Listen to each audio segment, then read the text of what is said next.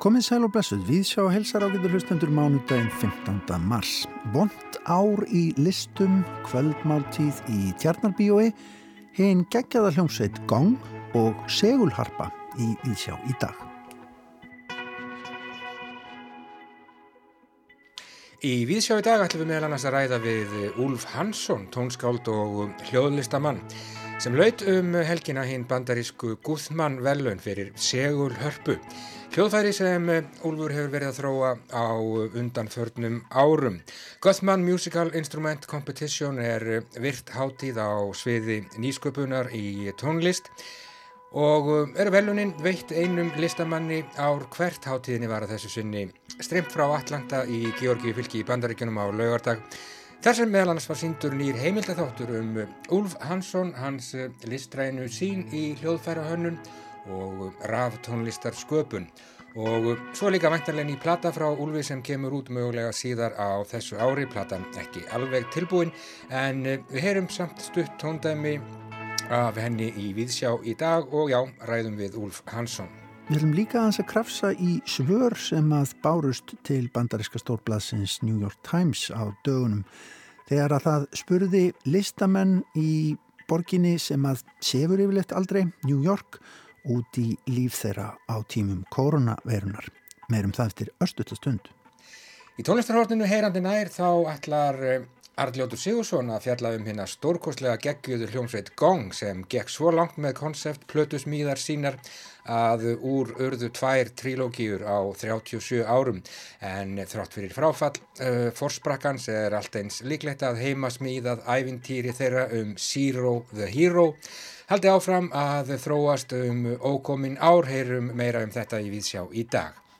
Og Snæpjur Brynjarsson, leiklistarkakrinnandi við sjárfjallar í dag um The Last Kvöldmáltíð, nýtt íslenskt leikverk eftir Kolfinu Nikolásdóttur sem að frumsýnt var í leikstjórn Önnu Marju Tómasdóttur í Tjarnarbí og í síðustu viku.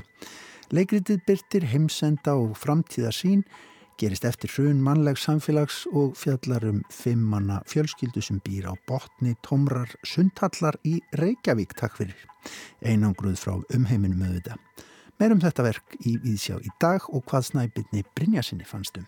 En við byrjum á vondu ári.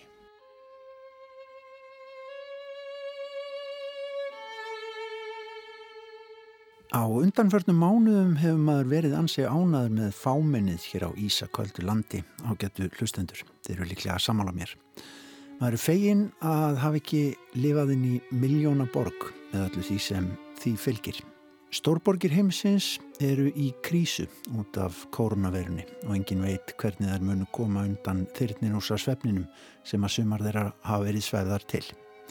Borgir eru ekki bara efnahagslegar aflstöðvar stórulandana, heldur líka menningarlegir suðupótar og til margra slíkra lítum við þegar kemur að því að rækta jarðveginn fyrir næstu júrtir menningarlífsins.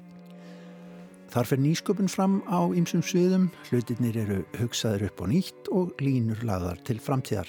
Sumarborgir eru líka merkilegar en aðrar, París, London, Tókjó eru allt borgir sem litið er til og hér á Vesturlöndum horfum við ekki hvað síst á bandarísku stórborginnar á sikkvari ströndinni.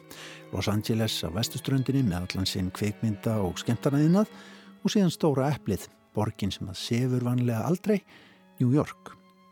Og stórblæðið í þeirri borg, New York Times, bauð upp á áhugavert efni í síðustu viku þegar það hafði samband við 75 listamenn og laði fyrir þá sjö spurningar um fyrsta ár korunveiru faraldusins á Vesturlöndum. Greinin heitir einfallega sjö spurningar 75 listamenn, eitt ansi slæmt ár. Spurningarnar voru þessar. Gerðið þú eitthvað sem skipti máli á árinu? Hver eða hvað huggaði þig? Eftir hvaða augnablikum myndu muna í framtíðinni? Hvaða hugmyndum sem þú fjast vildir þú vilja gleima? Hvað myndi koma út úr því að endur taka eða endur vinna eitthvað? Að hverju stefnir þú nú þegar venjulegt líf innan gæsalappa er komið á ratarinn? Og loks í hvaða list hefur þú leitað til að fá næringu undanfarið ár? Og auðvitað eru svörin mismunandi og mörg Í upphafi greinar tekur bladið þó út eitt stert svar frá tónskaldinu og Íslandsvininum Nico Múli, svar sem að endurómar aftur og aftur í svörum listamannina allra. Múli orðar það svo, það verður með þráhyggju yfir því hvað faraldurinn gerði nákvæmlega mér, gerra verkum að manni finnst eiginlega óafsakanlegt að tala ekki um skadan sem að verður í samfélaginu almennt og ennfremur í listalífinu svo ekki sé talað um þá hálfu miljón bandarækjamanna sem látist hafa í faraldrinu. Þetta er bara skelving, segir hann. En svörlistamanna eru áhugaverð, stundum skemmtileg, stundum hálf sorgleg. Sumnöfnin þekki maður en önnur ekki. Allir sem að bladið talar við eru líklega velþektir innan sín skeira. Já, ég gemmi það bara. Heimsfrægir eflaust á sínu sviði. Og það er misbjarti við listafólkinu. Skáltsagnahöfundurinn Ali Smith segir að það sem hún hafi skrifaði þessu ástandi eigi allt helst heima í einhvers konar moldugerð eða endurvinnslu sé ekki gaglegt til annars. Á meðan segist nýgeríska söngkonan og tónlistakonan Tífa Savats hafa sæst við sjálfa sig og valið að stressa sig ekki yfir hlutum sem hún hefur ekki sjálf stjórn á. Það er ágætt viðhólf. Myndlistarkonan Jenny Holzer segist hafa farið að mála ljótar vasslitamindir á gömul personleg skjöl í sínum fórum. Ég fylgti þau af dónalegum orðum, segir hún, konur ætti að blóta meira. Dansafundurinn Kyle Abraham segist hafa leiði við raunveruleika þáttunum Survivor. Hann skildi vel þetta fólk sem var fast á eyði eigu og ekkert komst en hann sjálfur væri alveg til í að geta haft tækifæra á að vinna miljón dollara í sinni útleð frá dansstúdíónu. Á meðan var umrætt ljóða stjarnabandaríkjana hinn unga Amanda Gorman svo sem slói gegn nýlega við fórsættaeinsetninguna að velta sér upp úr sjónvastáttunum Dickinson þar sem hún gatt speiklað sig í einsemdarlífi Emily Dickinson. Sumir hálf skammar sín líka fyrir það að þeim hafi gengið vel að einhver leiti.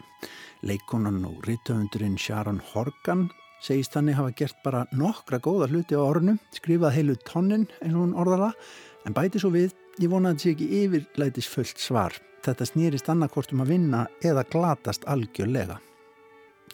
Aðrir hafa reynd að bæta sig á einhverju sviði. Ljósmyndarinn Nan Goldin hefur þannig reynd að elda og baka, eitthvað sem hún gerði ekki áður, á nokkus árangur, segir hún. Á meðan hefur handriðsöfundurinn Katori Hall sem líka er leikona velt fyrir sér súludansi á alla kanta.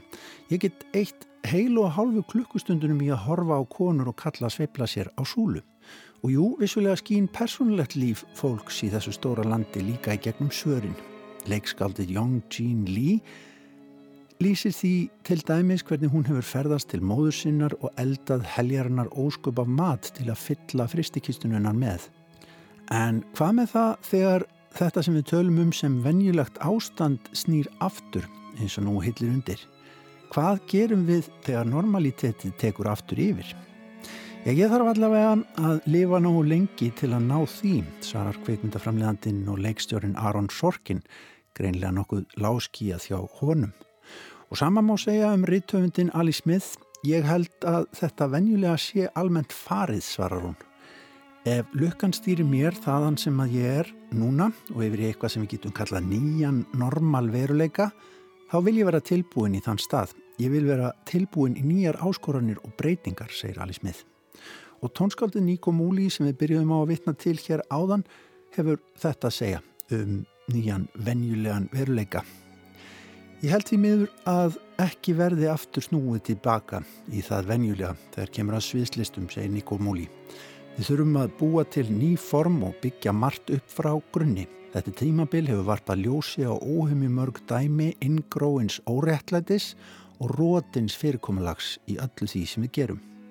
Já, það er sem sagt ekki alltaf bjart yfir bandaríska listafólkinu sem að New York Times talar við en það er forvitnilegt að lesa svörðera.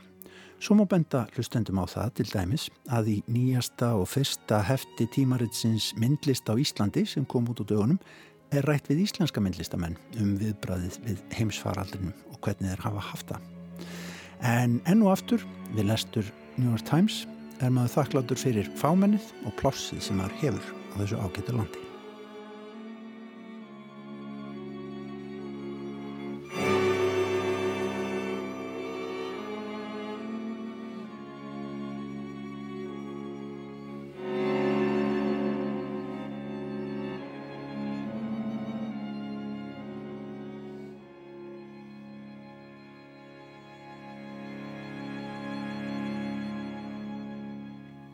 Já, það var Artemis strengjakvartetinn sem laði til undirspil við þessar lýsingar bandarískra listamanna á lífi þeirra á tímum koronaveirunar. Stórkostlegur fyrstikabli þarna úr strengjakvartett opus 131 eftir Ludvig van Beethoven. Við gripum aðeins í New York Times þarna. En þá ágetur hlustendur skulum við bregða okkur í tónlistarferðarlag með Arljóti Sigursinni. Hann er með sitt tónlistarhorn heyrandi nær hér í Víðsjá á mánudögum. Og ferðarlagið, já, það hefst einhvern veginn svona.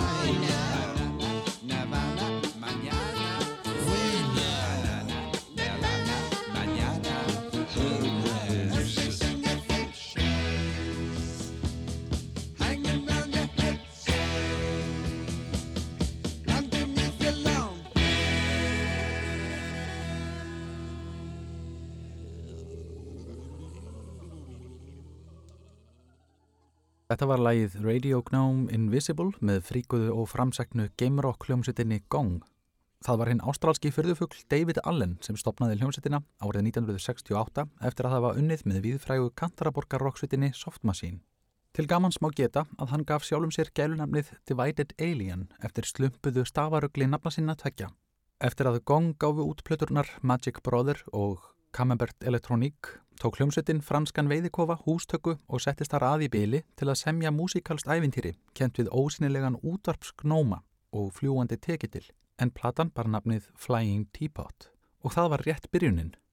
Platan var eins og fyrsta sem Virgin Records gaf út og kom í búðir samhliða hinn í viðfrægu Tubular Bells Mike Oldfields. Aðalsögu heitja gong ævintýrisins er Zero the Hero sem fer að heyra í knóma útvarpsrás og hittir fyrir undarlega freðálfa í fljúandi tekalli en Zero endar í æði langri og skrautlegri Odysseifs för um heima og geima. Líkt og Dórótea í galdra heimi Ós hittir hann fyrir undarlegu kvikindi sem slást í för með honum og einnig verða skelvilegir óvættir á vegið þeirra. En það er þetta engin lautarferð í Kansas. Ekki leið á löngu fyrir en hljómsutin réðst beint í framhald ævintýrisins með plötunni Angel's Egg sama ár þar sem lægið um þunglgiðjuna Selín er að finna.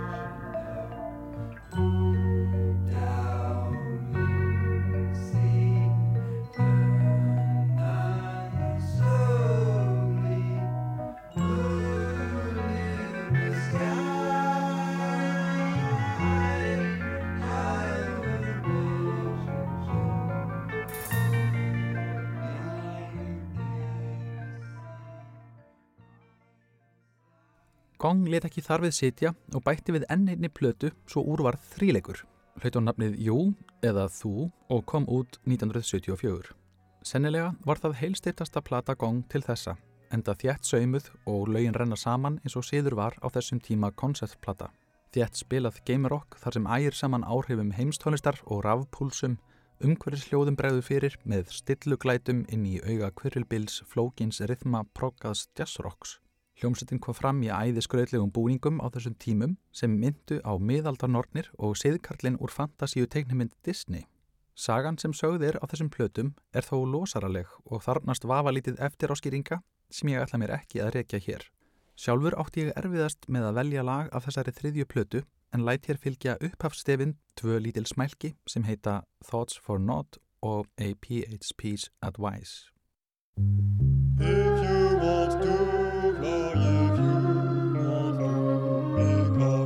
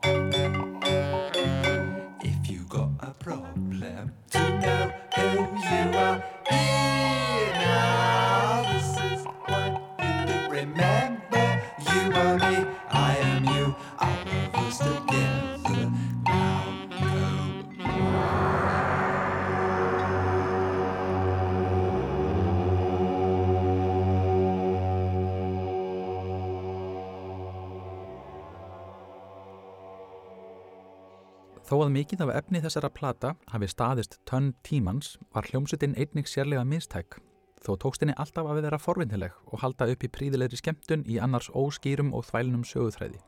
En það er eins með söguþráð útvarpskunómsins ósýnilega og sögu hljómsutarinnar. Saga hennar er óskaplega þvælin og mannskapur kom og fór með stuttum stoppum. Hljómsutameðlimir og fjölskyldur dreifðust á melli Mallorca, Fraklands, Englands, Ástralíu og Bandaríkjana og gerðu oft sín eigin litlu útibú hljómsveitarinnar eins og Mother Gong, Planet Gong og New York Gong og svo þegar trommuleikarin Pierre Morlaine hætti stopnaði hann að sjálfsögðu Pierre Morlaines Gong. Ímsir komu við sögu þessa ættartrés hljómsveitarinnar, þar á meðal Alan Holdsworth, Robert Wyatt, Don Cherry, Bill Laswell og Bill Bruford, svo einhverjir séu nefndir. Einnig vann hljómsveitin með aðsettmáður Temple í einum sinna hljómsveitar útrúdúra. En eftir alla ránkala hljómsveitarafbreyðana samanlegaðist loks kjarni hljómsveitarinnar aftur árið 1992 og gaf út plötuna Shapeshifter, þar sem beint framhald trílogíunar trippuðu um Zero the Hero heldur áfram með kvorki meirann í minna en annari trílogíu. Á Shapeshifter endar Zero sitt jarneska líf í dularfullum döðdaga í Ástralíu, fæðingarlandi forsprakkans David Allen.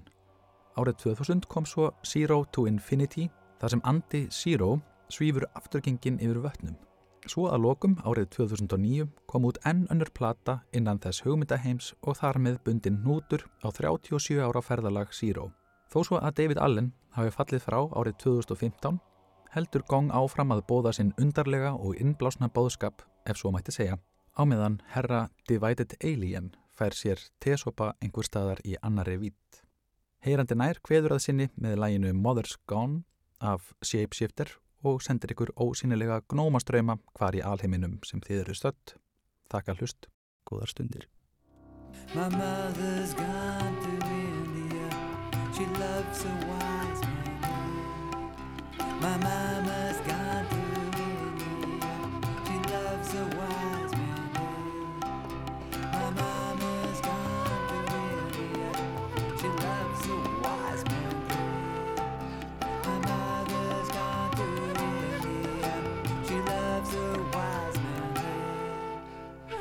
lost her house and found her family.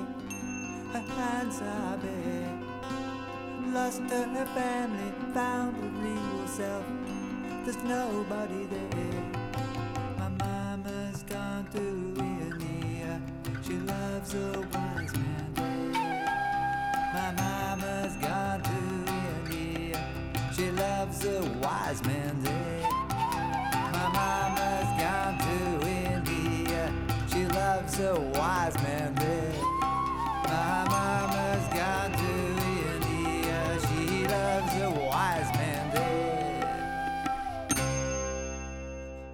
Já, Arljótur Sigursson, tónlistarhornið heyrandi nær í Víðsjá á mánutegi.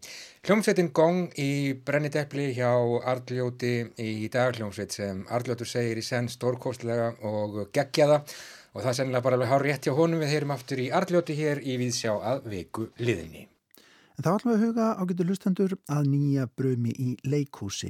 Það last kvöldmáltíð nefnist nýtt íslenskt leikverk eftir kolfinu Nikolásdóttur sem frumsýnt var í leikstjórn Önnu Marju Tómasdóttur í Tjarnarbíói í síðustu viku. Snæput Brynjarsson, leiklistarkagrinnandi, er búin að sjá og við skulum heyra hvernig honum leist á verkið. Velkomin í síðasta brúðkaup, slags fríksjó í heimi.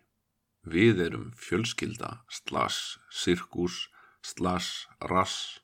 Þetta er heimili okkar, slass, sundhöll, slass, rass. Nokkurn veginn svona mætti taka saman í stuttumáli sögusið og söguþráð The Last kvöldmáltíð sem frumsýnt var í Tjarnabjó síðasta fymtudag.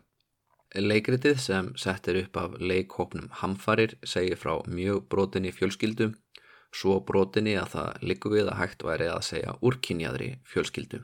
Hún samanstendur af Bacon, leiknum af Ólafi Áskersinni, Ló, Sistur Hán, sem leikin er af ástildi úu Sigurðardóttur, en yfir þessari litlu fjölskyldu drotnar Mamman, leikin af Helgu Brögu Jónsdóttur. Þeim til samlætis í þessum plastaða veruleika eru tveir karlar, Fadurinn sem liggur í dái með vögva í æð sem Ragnar Íslegur Bragason tólkar finlega og hreitn sem leikin er af Albert Haldósinni. Hreitn er læstur inni í búri eins og hættulegt villidýr en þau eru þó öll innulokkuð á sinn hátt og först því fjölskylda þessi býr í gamalli yfirgefinni sundtöll og lifir á dósamatt. Í raun virðist sundhöllin þjóna svipuðu hlutverki og neðanjarðabyrgi eftir kjarnorku styrjöld því fyrir utan hana er hættulugur heimur eða jafnvel ekki neitt. Eins og áður sagði er leikritið eh, sett upp af leikóknum Hamfarir í leikstjórn Önnu Maríu Tómasdóttur en er eftir Kolfinu Nikolásdóttur. Kolfinna hefur getið sér ágættis orðs sem tónlistamæður og hefur komið af hljómsveitunum Reykjavíkudætur, Amabadama og Retro Steffson en leikritið The Last Kvöldmáltíð byggir á útskriftarverkefni hennar af Sviðsöfundabraut Listaháskólans frá árinu 2016. Sýningin hefst á því að Bacon klagar sýstur sína Ló fyrir það að sofa hjá föður þeirra sem liggur meðutnundalös inn á sviðinu. Refsingin sem mamma velur fælst í tveimur skemmteatriðum á 17. júni hátið sundallarinnar og Bacon verist vera yngra sískinnið sem stöðugt klagar hið eldra og flýr svo í fað móðu sinnar sem sífælt hampar hán á kostnað Ló. Það er þó ekki nóg fyrir mammu heldur villun að börnin sín sofi saman nokkuð sem Bacon fúlsar við því hán vill eins og hán orðaða reproduce með fólkinu að utan. Tungutakið í leikritinu er all sérstakt og gæti verið erfitt að miðla því í útvarpspistli á rás 1 þar sem málfarið er mjög ennskuskotið og þar að auki frekar gróft. Svo gróft að jafnvel personur í leikverki eftir Tyrfing Tyrfingsson myndu líta róðunandi undan. Segja mætti að leikritið sé í anda In Your Face bylgjunar sem kom frá Breitlandi á tíunda áratöknum því stundum verðist eins og önnur hver lína sé ætluð til að stöða áhörandan og hrista upp í honum.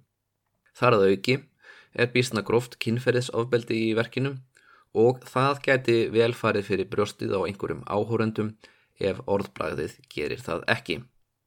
Það getur orðið þreytandi vissulega þegar listamenn rempast við að nexla áhórandur og text yðurlega ekki í nútímanum en textin í það last kvöldmáltíð flæðir einhverða síður náttúrulega eins og velort hvæði.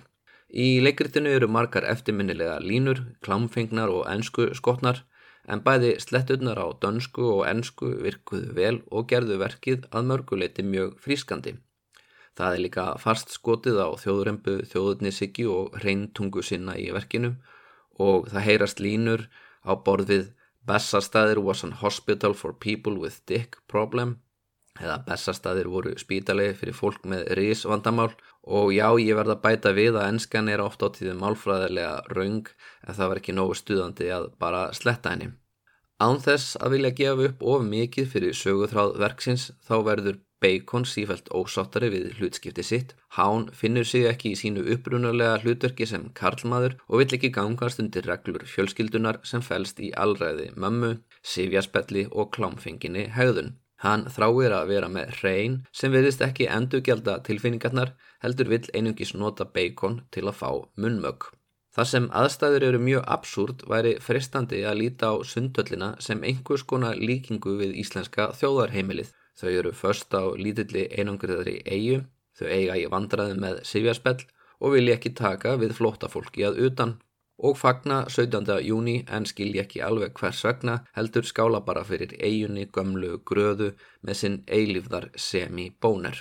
Undir log verksins kaus Kolfinna þó að snúa gaggríninni að kynjakerfinu eða feðraveldinu á frekar glísjúkjentan og klunnalegan hátt Það var svo litið eins og leikskáldið misti trúna á að áhörandin gæti lesið á milli línana og skilið verkið á þess að það væri stafað ofan í hann.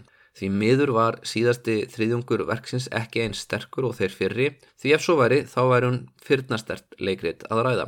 Þó má alveg segja að það sé bæði frumlegt og djart með enginandi stíl og aðtiklisverðar personur. Frammiðstaða leikara var mjög góð í verkinu. Helga Braga var stórfengli í hlutverki Mömmu slass Sirkustjóra slass Rass. Ástildur Úa Sigurðardóttir var mjög öflug í sínu hlutverki. Ég hef ekki svo ég muni síðana áður á sviði sem er ekki mjög sérkynlegt með að veið að hún útskrifaðist 2019 og leikhúsin voru lokuð mest allt árið 2020 en ég hlakka til að sjá meira af þessari mjög efnilegu leikonu á næstunni. Ólafur og Albert hafa verið mjög ábyrrandi og duglegir í sjálfstæðusönunni síðastliðin ár og stóðu sig ágætlega eins og vanalega í verkinu. Við mætti bæta að persóna Ólafs Hán Bacon sem í upphafi verks er ráðviltur kynsegin drengur og er í lok verksbúin að skilgerina sig á allt annan máta er frekar aðtiklisverð persóna í leiklistar sögulegum skilningi. Það eru ekki mörg hán í sögu íslenskrar leikrytunar. Það getur verið að Hans Blær, leikrit Eiríks Örds Nordals sett upp árið 2018 sé fyrsta transpersona í íslensku leikúsi sem gerir Bacon hugsanlega að hán nummer 2 En auðvitað málu deilum tímasetningar í ljósi þess að leikritið byggjar á útskýrtaverkefni frá árinu 2016.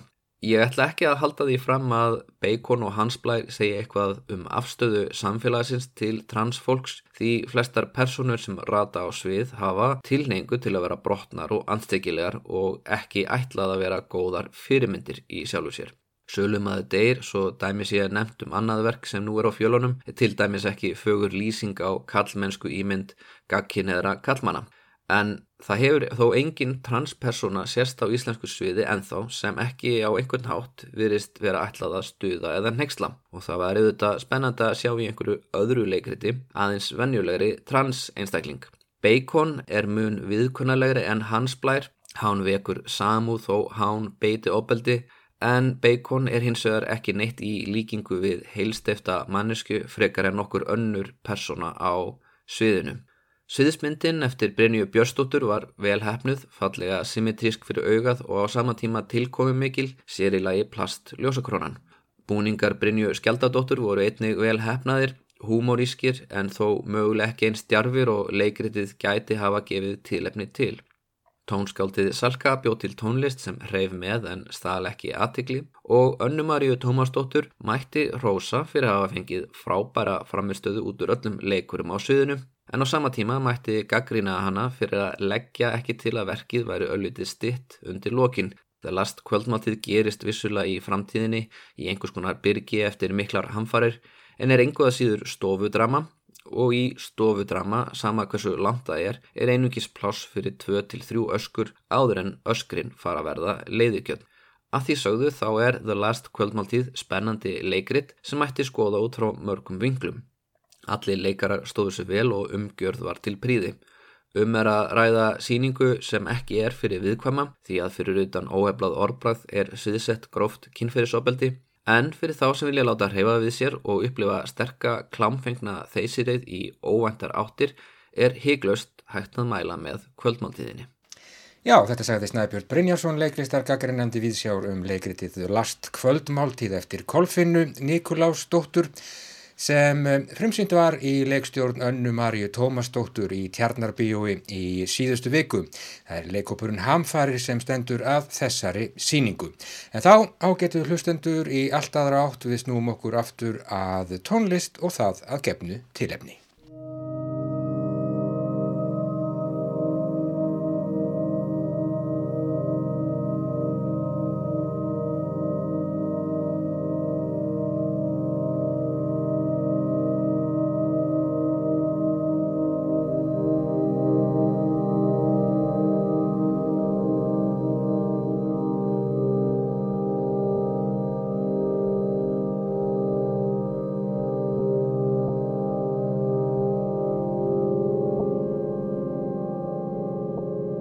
Úlfur Hansson, tónskáld og hljóðlistamæður hann hlautu um helgina. Hinn virtu bandarísku Göthmann velun fyrir Segul Hörpu. Hljóðfæri sem Úlfur hefur verið að þróa á undanförnum árum Göthmann Musical Instrumental Competition er virt hátíð á sviði nýsköpunar í tónlist en velunin eru veitt einum listamanni ár hvert. Samkeppnin sem er svo eina af sínu tægi í heiminum nýtur mikillar virðingar meðal þeirra sem fremstir eru í flokkin ísköpunar á sviði tónlistar. Velunafendingin fór vegna heims faraldurs fram í beinu streymi á lögardag eins og var streymt frá Atlanta í Georgiu fylki í Bandaríkjónum.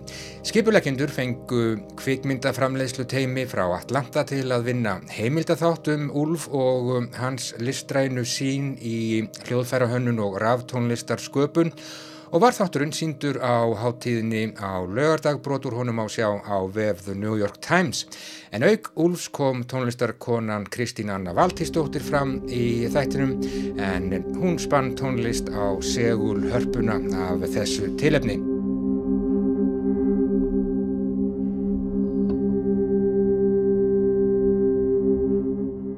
Þetta er auðvitað ekki í fyrsta sinn sem Segul Harpa Úls Hanssonar ratar í sviðsljósið því auk Úls sjálfs hefur til að mynda Björg Guðmustóttir notað hörpuna í verkefni sínu Cornucopia árið 2019. Úlfur Hansson hefur fengið margar viðurkenningar fyrir list sína á undanförnum árum. Hann hlaut meðal annars verðlun sem tónskáld ársins í alþjóðlega keppninni International Rostrum of Composers fyrir verksitt So Very Strange árið 2013 en hann var þar tilnemdur af Rúf. Verki var samið fyrir eldri prototípu af segulhörpunni. Úlfur hlaut einnig ranni styrk fyrir þróun hljóðfærisins og nýsköpunarverluna fórsetta Íslands. Hann hefur verið tilnemdur til íslensku tónlistarverlunana sem bjartasta vonin og hefur meðal annars sami tónverk til flutnings fyrir Tectonics hátíðina undir stjórn Ílands Volkov fyrir fransku útarps hljómsveitina Nordica Fekt og Kronos kvartetinn svo eitthvað sé nefnt. Og áður en langt um líður þá kemur út um, splunkunni plata sem Úlfur er að leggja loka hönd á. Úlfur Hansson, hann eh, fættist í Luxemburg árið 1988, lauk B.A.prófi í tónsmíðum frá Listaháskóla Íslands og mestaragráðu frá Mills College í bandaríkjónum í kjölfarið. Undan farin sjö ár hefur hann verið búsettur í San Francisco og New York en eh, hann dvelur nú um þessar myndir á Íslandi vegna heims faraldurs. Við skulum breða okkur í rikningarsutanum vestur á Nýlendugötu.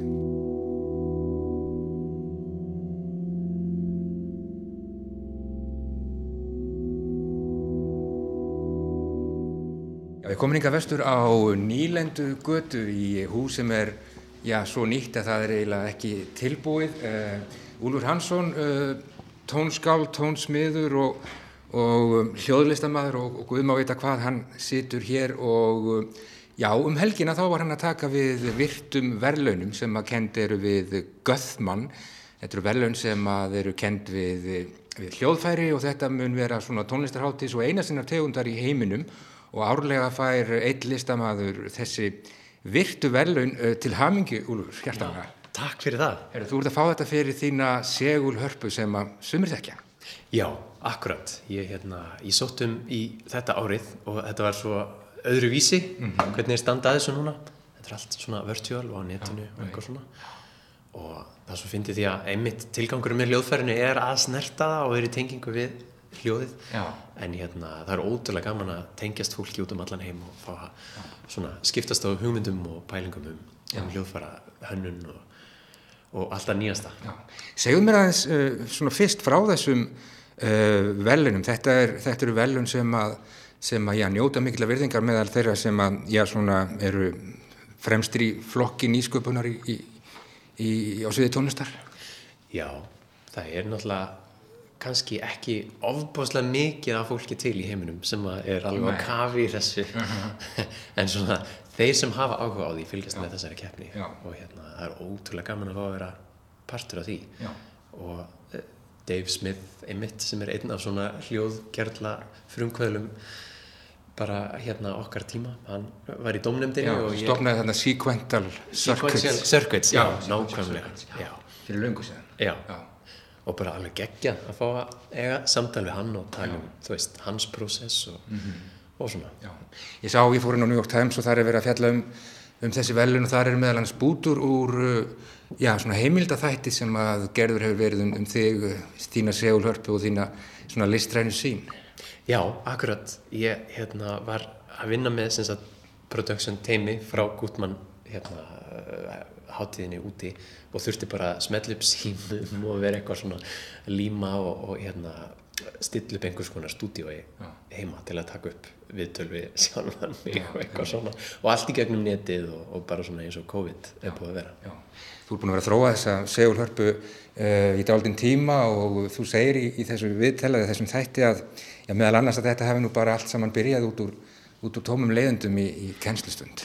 Já, ég misti það út um mér en það er samt alveg satt. Sko. Já. Já, ég var bara eitthvað að tunda mér í, í Photoshop sko. En það er oft sem að, þú veist, eitthvað kemur út úr svoleiðis hugar ástandi og hérna og svo er ég líka, þetta er náttúrulega svona svolítið þráhegja, bara tekið náttúrulega leið sko, að eitthvað bara verði að vera svona já, já og það var svona einfaldast að finna út úr því hvernig hún átt að líti út og svo mm. var bara sjóra ferli Það var um Photoshop og það var einmitt þessi myndræni hluti sem að, sem að koma undan. Já, það er, það er einhver svona til, tilfinning sem að fylgir er falleg. Já, takk fyrir það, já, einmitt. En mér langar svolítið að hún sé svona þú veist, dularfull og það standi ekkit á henni og, og svona næstum því eins og að hún sé að horfa á þig ef þú ert Já. með henni í herbergi sko. svona mónólið svolítið. Já. Sko, hvað verður til þess að maður fer að, að finna upp, sko, það er til nóga hljóðfærum í heiminum, hvað, hvað verður til þess bókstaflega að þú eh, finnur þér knúin til þess, að, bæta einu við? Ég held að bara að því að ég vinn við að semja músík svona flesta daga og þegar ég er alveg óbúslega búinn á því eftir svoleiðis vinnu þá er þetta bara hinn, hitt hólfið í heilanum einhvern veginn að fara bara yfir í verkfræðina og, og að finna út úr hlutum þú veist, og fara í, í hérna, rafendavirkjunum og allt þetta að hannar á sér og, og þú veist yfirleitt springur allt í loft upp eða kveiknar í því eða eitthvað en svo þegar það virkar þá er það alveg útrúlega svona mikið magic moment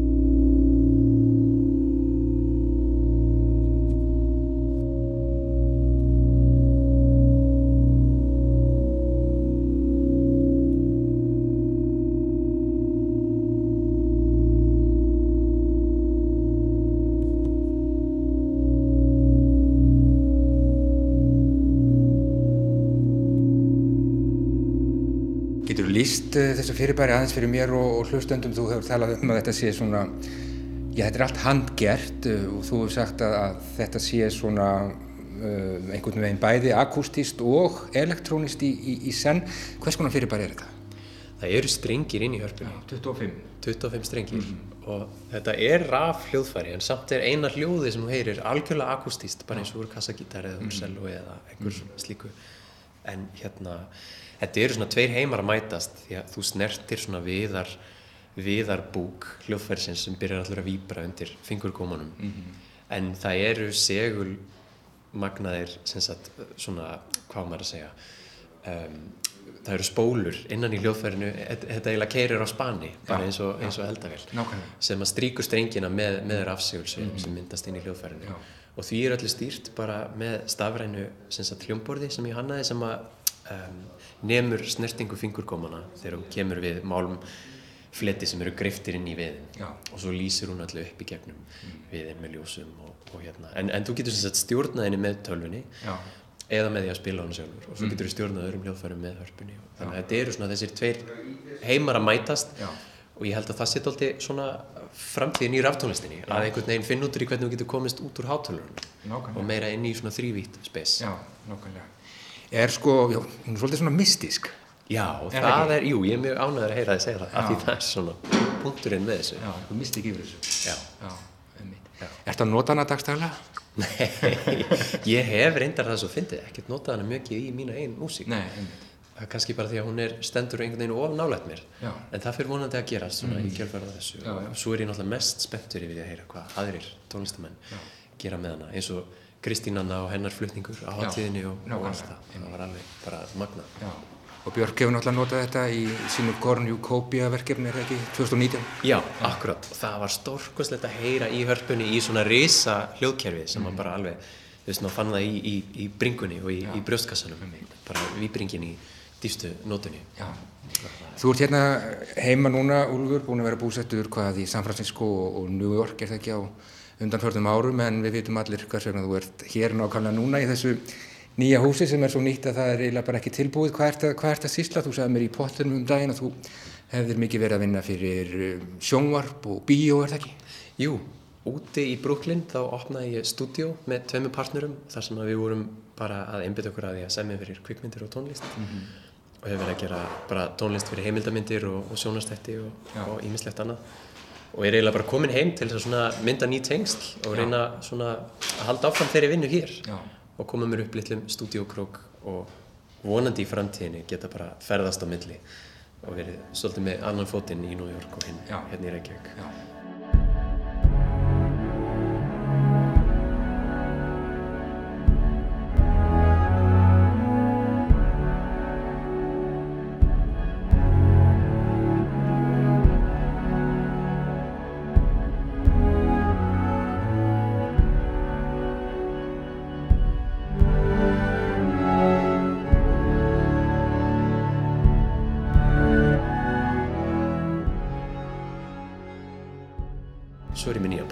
Já, segðu mig aðeins frá henni. Já, hún er bara í raun og veru svona singer-songwriter plata í fyrsta skipti. Ok. Með rosalega svona, hérna, já, hvað maður að segja, mikið af strengjaútsetningum sem er alltaf allt spila af Gíðu Valdísdóttir það er svona besta vinkona mín og, og hérna svona nánasti samstarfsaðli eiginlega í músikinni og það erfiðast er að syngja þannig að ég er bara að vinna í því Það er eftir. það er eftir, það er eina sem er eftir Hvernig fáum við að heyra? Þú ætlar nú reyndar að lifa mér að, heyra smá bút og hlustendum. já, eitthvað pínu póns sko. Smávegis. já, algjörlega, en vonandi Hvernig er útgáðdagur? vonandi á þessu ári, skulum við segja það, ég er miða við það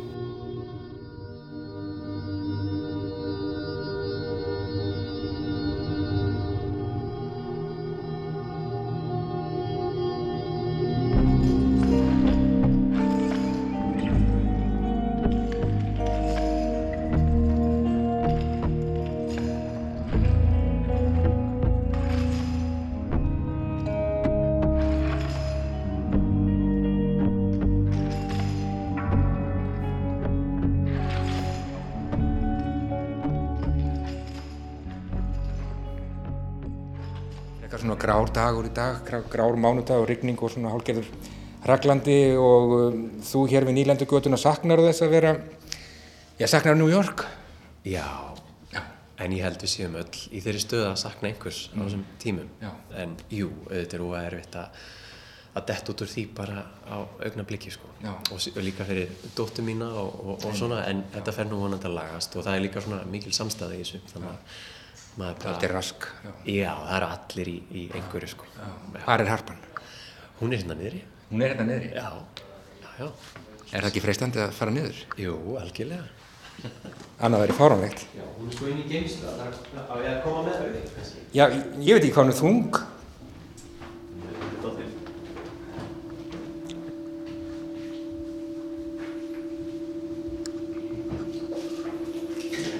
Já, hér ertu komin með greipin. Nákvæmlega ferðir í, í flugvelinni. Búin að fara við að þessu. Já, nákvæmlega. Sko. Þannig er hún. Hún er falleg. Já, vá. Þannig að strengirnir Þarna eru strengirnir neðst. Já, akkurat. Og svo eru þessir seglar undir strengjum Já. sem, að- sem að strjúka á með rafsífumagni. Alls konar víra virki hér. Já, held betur. Hvernig fórst að þessu? Þetta er bara þráikjan, alveg 100%. Ég held að þetta sé 14. kynnslóðin af rafkerfinu innan, í, innan í hörpunni. Þannig að sko viðarkassin sem að ég smíðaði með pappa mínum, hann er búinn að vera? Já, fiðlusmiðnum, Hans Jóhansson. Hann er búinn að vera tilbúinn alveg í mörg ár. Ætla sé ekki svona eitt og hálft ár síðan að rafkerfið var orðið eins og það á að vera. Mikið fyrir þessu haft. Já. Já. En, þú veist, svoleiðis gerast. Svo þarftu að hérna svona einhvern veginn að stinga inn í samband til þess að geta spilað á hún eða, eða hvað? Já, þú bara stingur í samband hérna á liðinu og þá, þá kviknar á henni. Nákvæmlega. Ég gefa bara lefa hlustundum að fá örlítið fá hljó- hljóðdæmi. Ég segi bara til hæmingu hjartalega með Guðmann velunin sem að þú fegst um uh, helgina Úlfur Hansson og hlakka til að heyra nýju plötuna og, og hafa það gott hérna á nýlöndugötunni. Takk fyrir mig. Takk fyrir.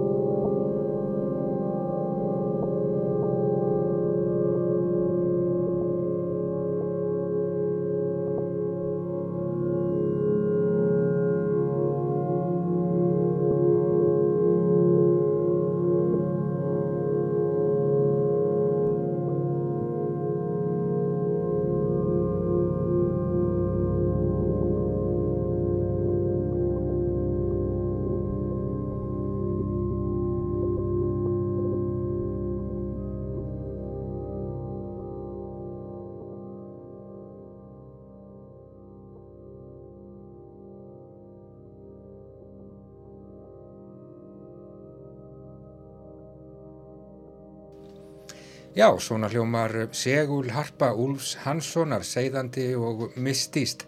Úlfur fekk Guðmann velunin fyrir hörpuna á hátíð sem haldin var í Atlanta í Georgiu fylki í bandarækjunum á laugardag. Sannarlega mikil völundar smíð segul harpan falleg bæði að utan og innan við heimsóttum Úlf í húsakenni hans við nýlendu götu í rigningar suttanum í morgun og já, nýplata væntanleg frá Úlfi, líklega síðar á þessu ári. Auk þess að heyra í segul hörpunni heyrðum við í þessu einslægi tvö stutt tóndæmi af þessari nýju plötu sem sannarlega verður gaman að heyra í heilsinni. Og svo ætlum við að ljúka viðsjá í dag viðsjá hér aftur á sínum stað á sínum tíma löst eftir klukkan fjögur á morgun. Takk fyrir samfélgina í dag, kærlega verið sæl.